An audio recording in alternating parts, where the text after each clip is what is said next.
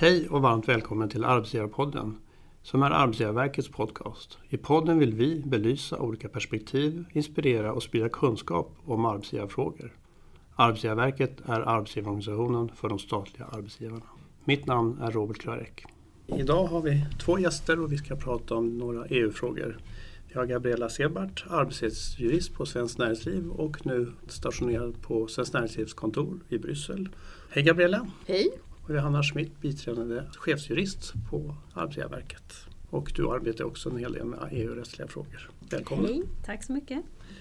Vi ska prata om utvecklingen i EU, den aktuella frågor som finns. Framförallt vad det kan betyda för eh, arbetsmarknadsparter i Sverige. Vi brukar ofta hävda vår speciella modell. Och en utgångspunkt för dagens samtal det är ju den här så kallade, eller den heter den sociala pelaren som antogs vid ett toppmöte i Göteborg hösten 17. Den i sig är ju inte EU-lagstiftning men har av kommissionen då använts för att bland annat presentera två förslag som vi senare ska återkomma till. Men vad är den? Vad härrör den från? Ja, man kanske kan beskriva den som en agenda. Det var ju en samling principer som antogs vid det extra toppmötet i Göteborg i november 2017. Och där var det då EU-kommissionens ordförande Jean-Claude Juncker som samlade regeringscheferna inom Europeiska unionen och eh, då antog man den här samlingen av principer.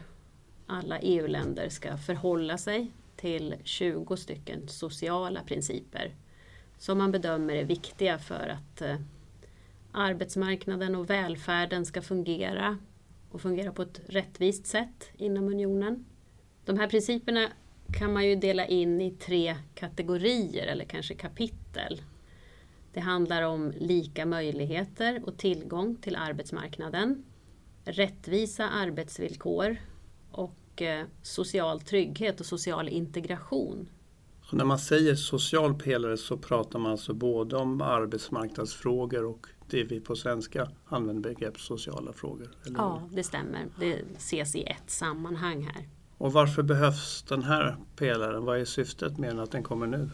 Ja, men det handlar väl lite om den här sociala dimensionen som man har pratat om under en tid inom EU. Att man måste tänka på mer än bara de ekonomiska aspekterna av en union. Om man skapar en jämnare social struktur mellan olika länder så ska det gynna tillväxten i Europa. Gabriella, hur ser du på den sociala pelaren?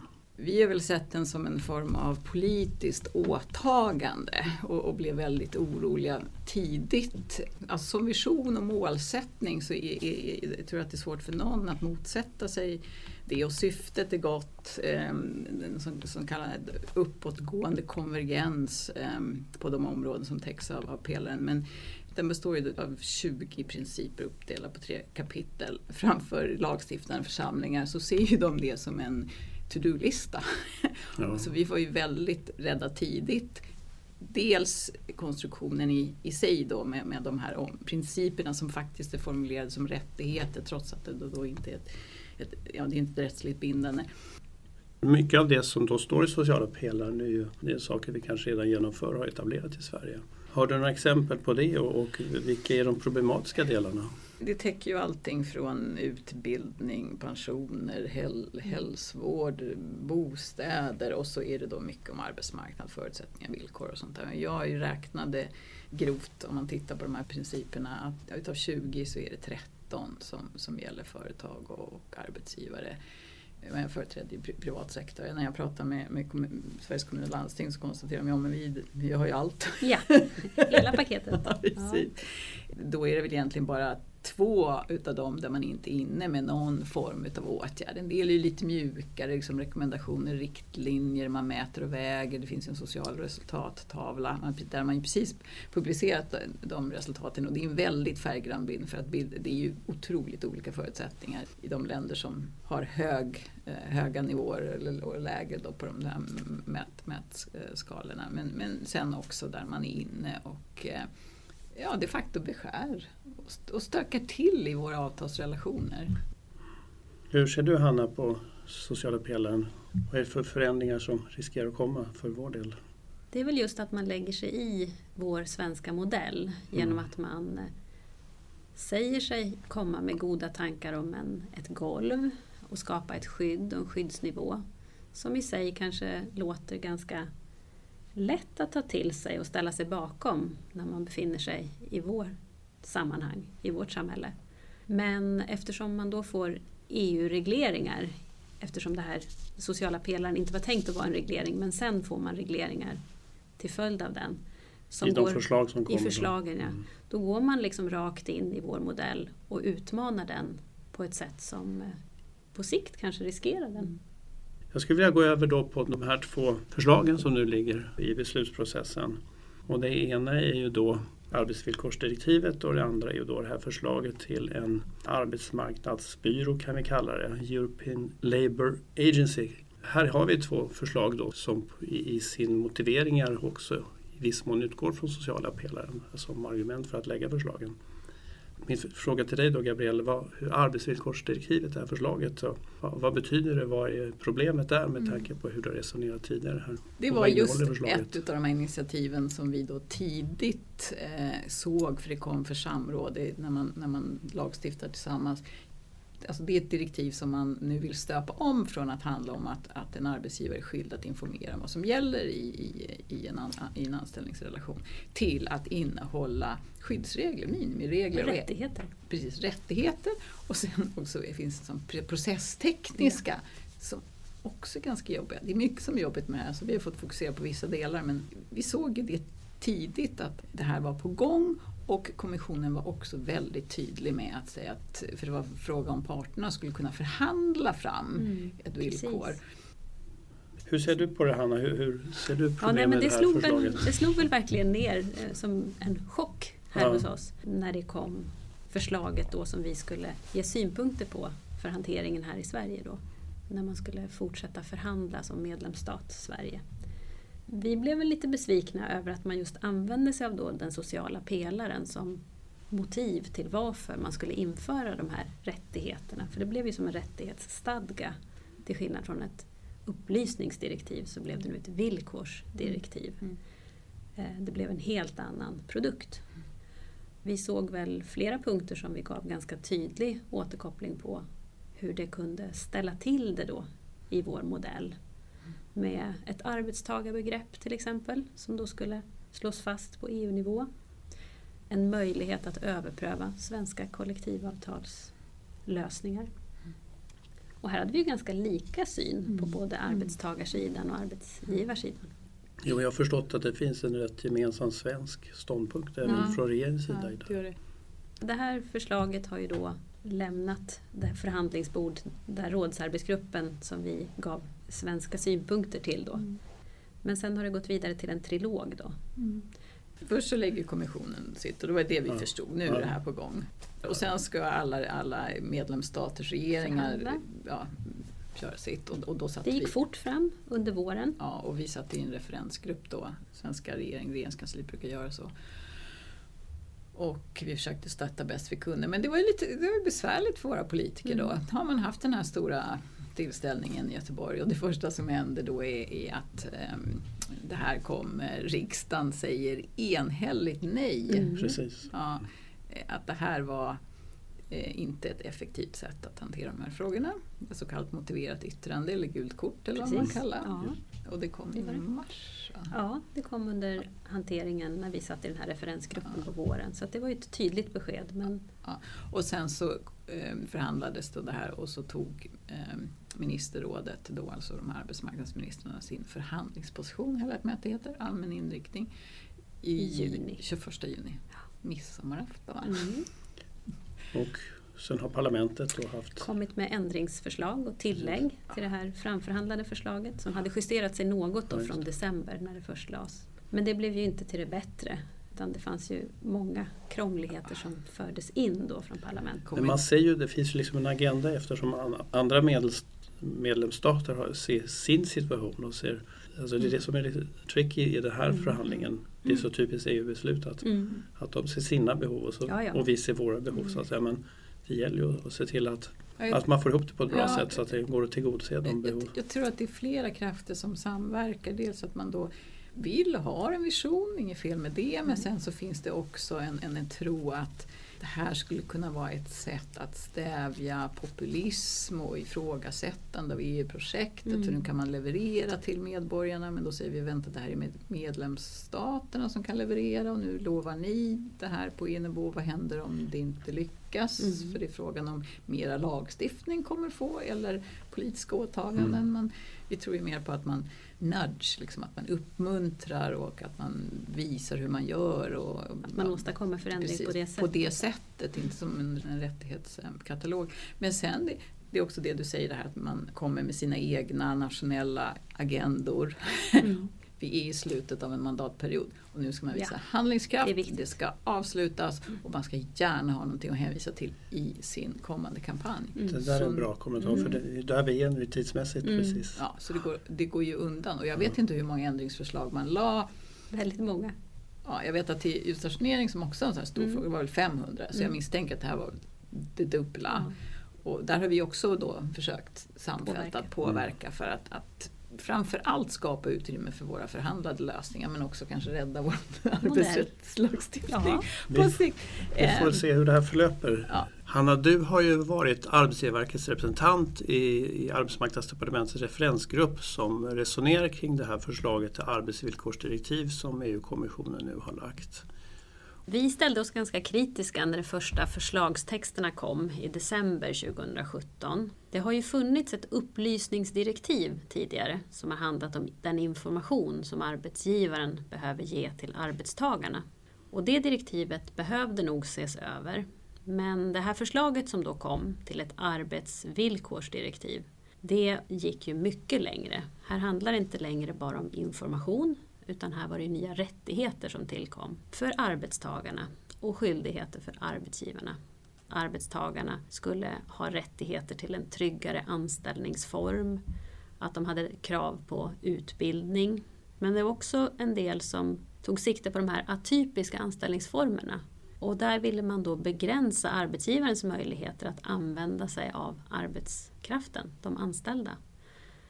Men det viktigaste kanske var att man också för in regler som handlar om att EU-domstolen ska kunna överpröva svenska kollektivavtal. Varför skulle de kunna det? Ja, det står en bestämmelse att det finns minimirättigheter eller skyddsnivåer för arbetstagarna i det här arbetsvillkorsdirektivet. Då får man göra avsteg från dem, men bara så länge man uppfyller den här miniminivån. Och det är då EU-domstolen som ytterst kan pröva om man uppfyller miniminivån. Och det här är ju främmande för den svenska modellen. Här är ju ett exempel då på hur man med hjälp av den sociala pelarens principer lägger fram ett förslag som ger sken av att då ge en bättre, rättvisare arbetsmarknad men som innehåller regler som är främmande för oss. På vad sätt är den främmande från svenska arbetsmarknaden? I den svenska modellen så pratar man ju om att arbetsmarknadens parter ska vara fria att ingå kollektivavtal och hitta lösningar som passar för arbetsmarknaden. När man då istället får lagregler som kan överprövas av domstol om vad nivåerna ska gå, då har man en inblandning av lagstiftning i det här som inte stämmer överens med vår modell. Och i synnerhet som nu pratar vi om EU-domstolen. Precis, man lägger kan... ju då dessutom det här i händerna, bedömningen utanför Sverige och EU-domstolen har väl inte haft så stor förståelse för vår svenska modell. Den är ju ganska udda inom EU.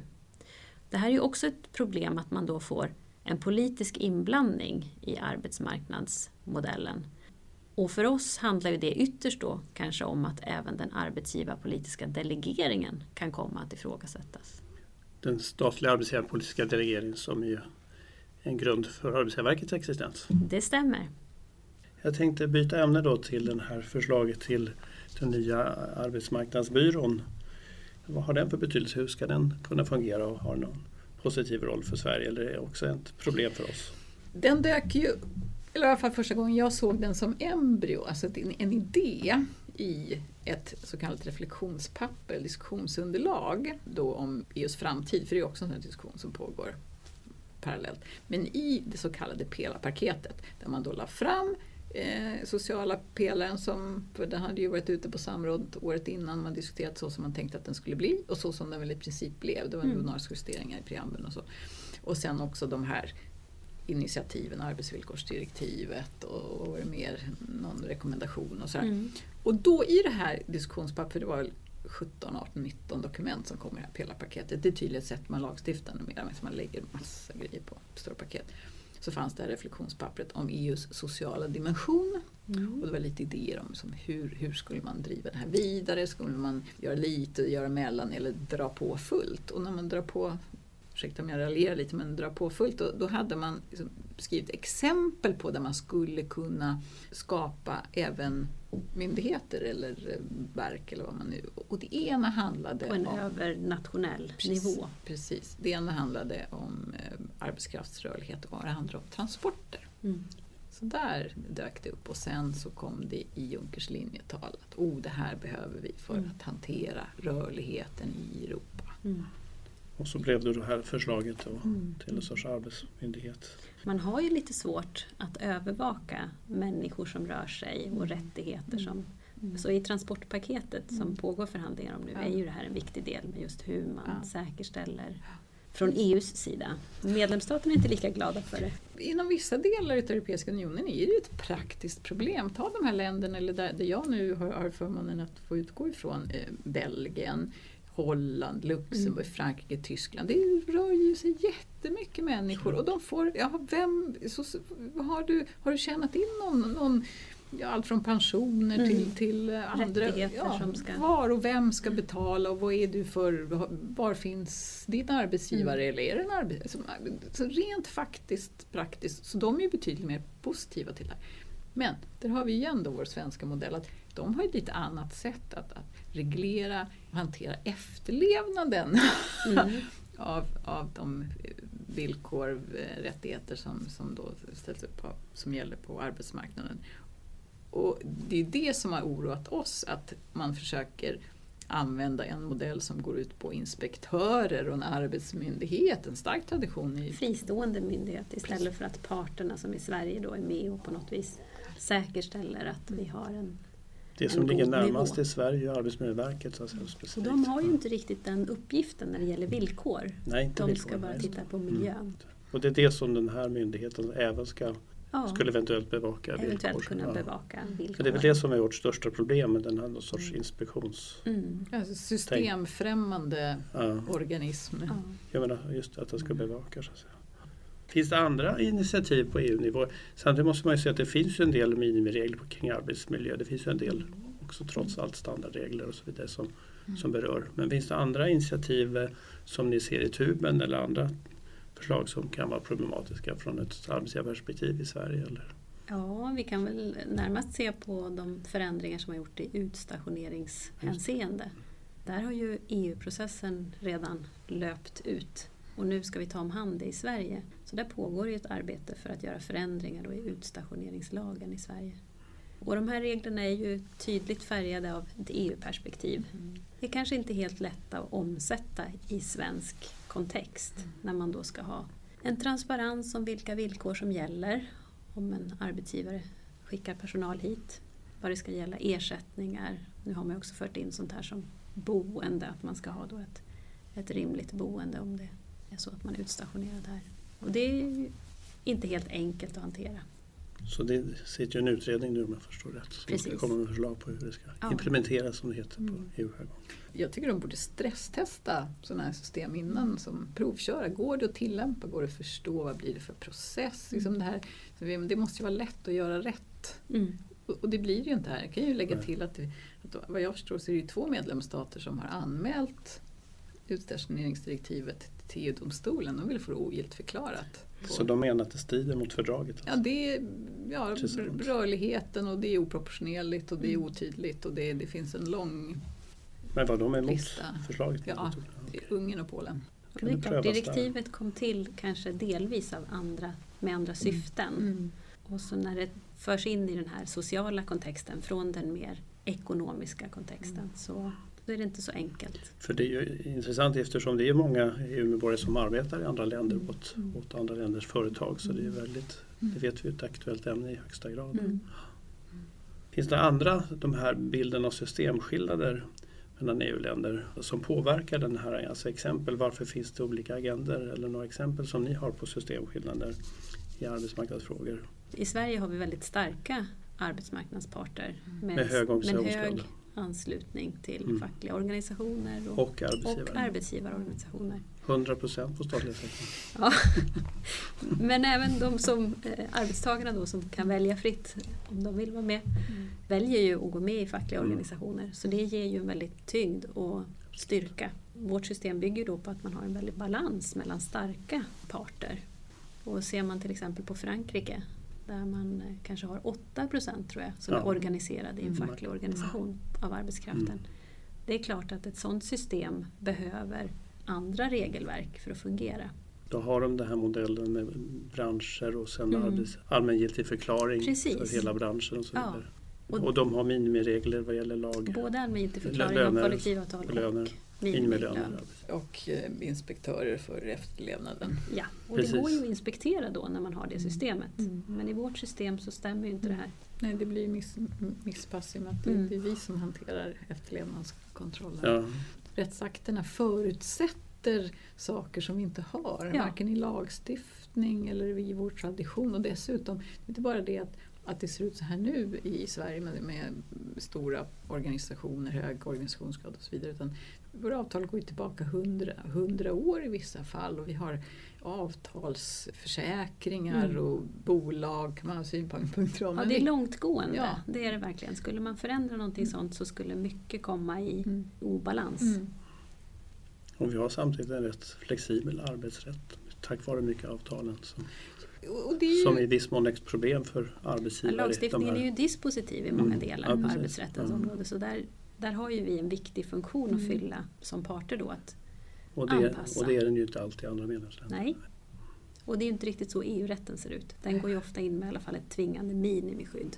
Jag tänkte gå vidare vad, hur EU utvecklas nu. Vi vi nämnde ju förut där inför Europaparlamentsvalet och sen har vi ett datum som heter 29 mars 19 där Mm. det datumet skulle då betyda att då har formellt Storbritannien lämnat EU. Sen finns det en övergångsperiod efter. Men Gabriella, hur ser du på den utvecklingen med, med inför Europaparlamentsvalet och vad som händer sen och, och Brexit-agendan? Ja, jag, jag är orolig där också. Eh, väldigt mycket handlar ju om brittisk inrikespolitik och det har ju varit stökigt där i flera år. Men det är sån värdeförstöring i Brexit. Mm. Om man tar företagandet, där gör man ju, man vill ha förutsägbarhet och när man inte har det så gör man sina analyser, sina business cases Mm. och nu är det väldigt osäkert så flyttar Lämnar man. man. För att man behöver, behöver hantera det. Och det är jättetråkigt. Sen så att det då kommer så nära ett val och all den här hanteringen, framtidsfrågorna. Det, blir lite, hur ser det ut med incitamenten att Mm. få britterna att lyckas med att kliva av om man samtidigt har en diskussion om värdet av EU? Ja, jag tycker det är trist. Vad tror du Hanna kan det betyda vad gäller arbetsrättsliga Ja, men jag ny profil när Storbritannien inte är med? Som jag har uppfattat det har en lite mindre stöd i Mm. våra uppfattningar när vi ska förhandla olika Mm. rättsakter. Och det skulle då kunna påverka om man inte har Storbritannien Mm. som en medlemsstat. Allmänt kring arbeta med EU-frågor, vad, vad ser ni som, om vi nu ska agera, vad är de viktigaste trådarna vi bör dra i och agera i? Det är väl viktigt att vara tidigt Mm. ute på bollen. Och Ja. Där tycker jag ni har varit duktiga på Svenskt Mm. Näringsliv. Att agera Mm. tidigt.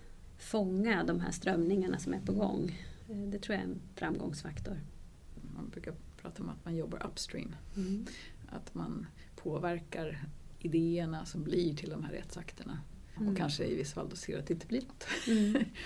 För när det väl har kommit i rullning Ja. så ser man att då är det väldigt svårt att stoppa. Mm. Som hävstången som har liksom Ja, absolut. tippa redan. Hur gör man det då? Är det kontakt eller kommittéer eller är det tankesmedjor? Ja. Eller? Ja, alla fronter. Vi är ju inte så, vi är ju ett litet land, vi är inte så många så då får man ju skapa allianser och så får man ta de här tillfällen i akt och vara, jag tror, vara tydlig och lång, alltså långsiktigt, ha mycket tålamod. Mm. Hålla i, Mm. förklara, tjata igen och igen, lite som marknadsföring. Få fram bra förslag på de problem som Ja, har visst. flaggats för. Ja, men visst. Att, Att vara proaktiv på det viset. Ja, vara konstruktiv, att, Mm. att förklara varför. För det har ju också hänt i kontakten med, med kommissionen att de tycker ja, men eh, vi säger bara nej. Nej, nej, nej. Ja, men vi säger nej för att, att det här innebär faktiska problem. Det är inte något som principiellt utan vi kan faktiskt lista och illustrera. Mm. Men det måste man kanske bli bättre på. Ja, att ja. visa på konsekvenser. ja, förklara, nyansera det här så att det är inte Man kan ju lätt ta för givet sin egen modell och de effekter det får på förändringar. Men det är inte lika självklart för någon annan. Nej, nej, det går inte att komma och säga oh in Sweden we have a model. Mm. It's really good. Har vi bra så att säga, material att kunna utbilda de här tjänstemän i EU-kommissionen och parlamentet? Det finns ju mycket duktiga tjänstemän. De kan man ha tekniska möten med och, och vissa är svenskspråkiga så man kan ju gå in och, och gräva i avtal och förklara. Men sen så behövs det ju annat material också där man tydligt förklarar till exempel de här grundförutsättningarna. Vad innebär den här avtalsfriheten, partsautonomin, alltså Mm. för grundförutsättningarna för det vi gör. Jag tycker vi har resonerat igenom och nu har vi en strategi för framtiden här, eller hur? Härligt. Ja. Så vi har ju pratat om den sociala dimensionen, sociala pelaren, vad det betyder de här konkreta förslagen. Och så jag vill tacka dig Gabriella och Hanna för att ni vill vara med och era erfarenheter. Men en sista fråga. Vad ska vi ta med oss viktigast här, den här klon här att bära framåt? Men EU-arbete är viktigt. ja, absolut. Eller hur? Ja, och jag tror mycket på allianser och Mm. det är inte över förrän det är över. Nej, Det, så är det. EU-arbete är viktigt Ja. och det gäller att kunna ha bra förslag. Ja. En bra sammanfattning. mm. Jag skulle bara säga så här, om ni som lyssnar har några frågor och förslag på ämnen som ni vill ta med så kan ni gärna av er och ni kan mejla till arbetsgivarpodden snabel arbetsgivarverket.se. Och mitt namn är Robert Kvarek. Tack för att ni lyssnade. Vi hörs snart igen. Hej då! Hej då!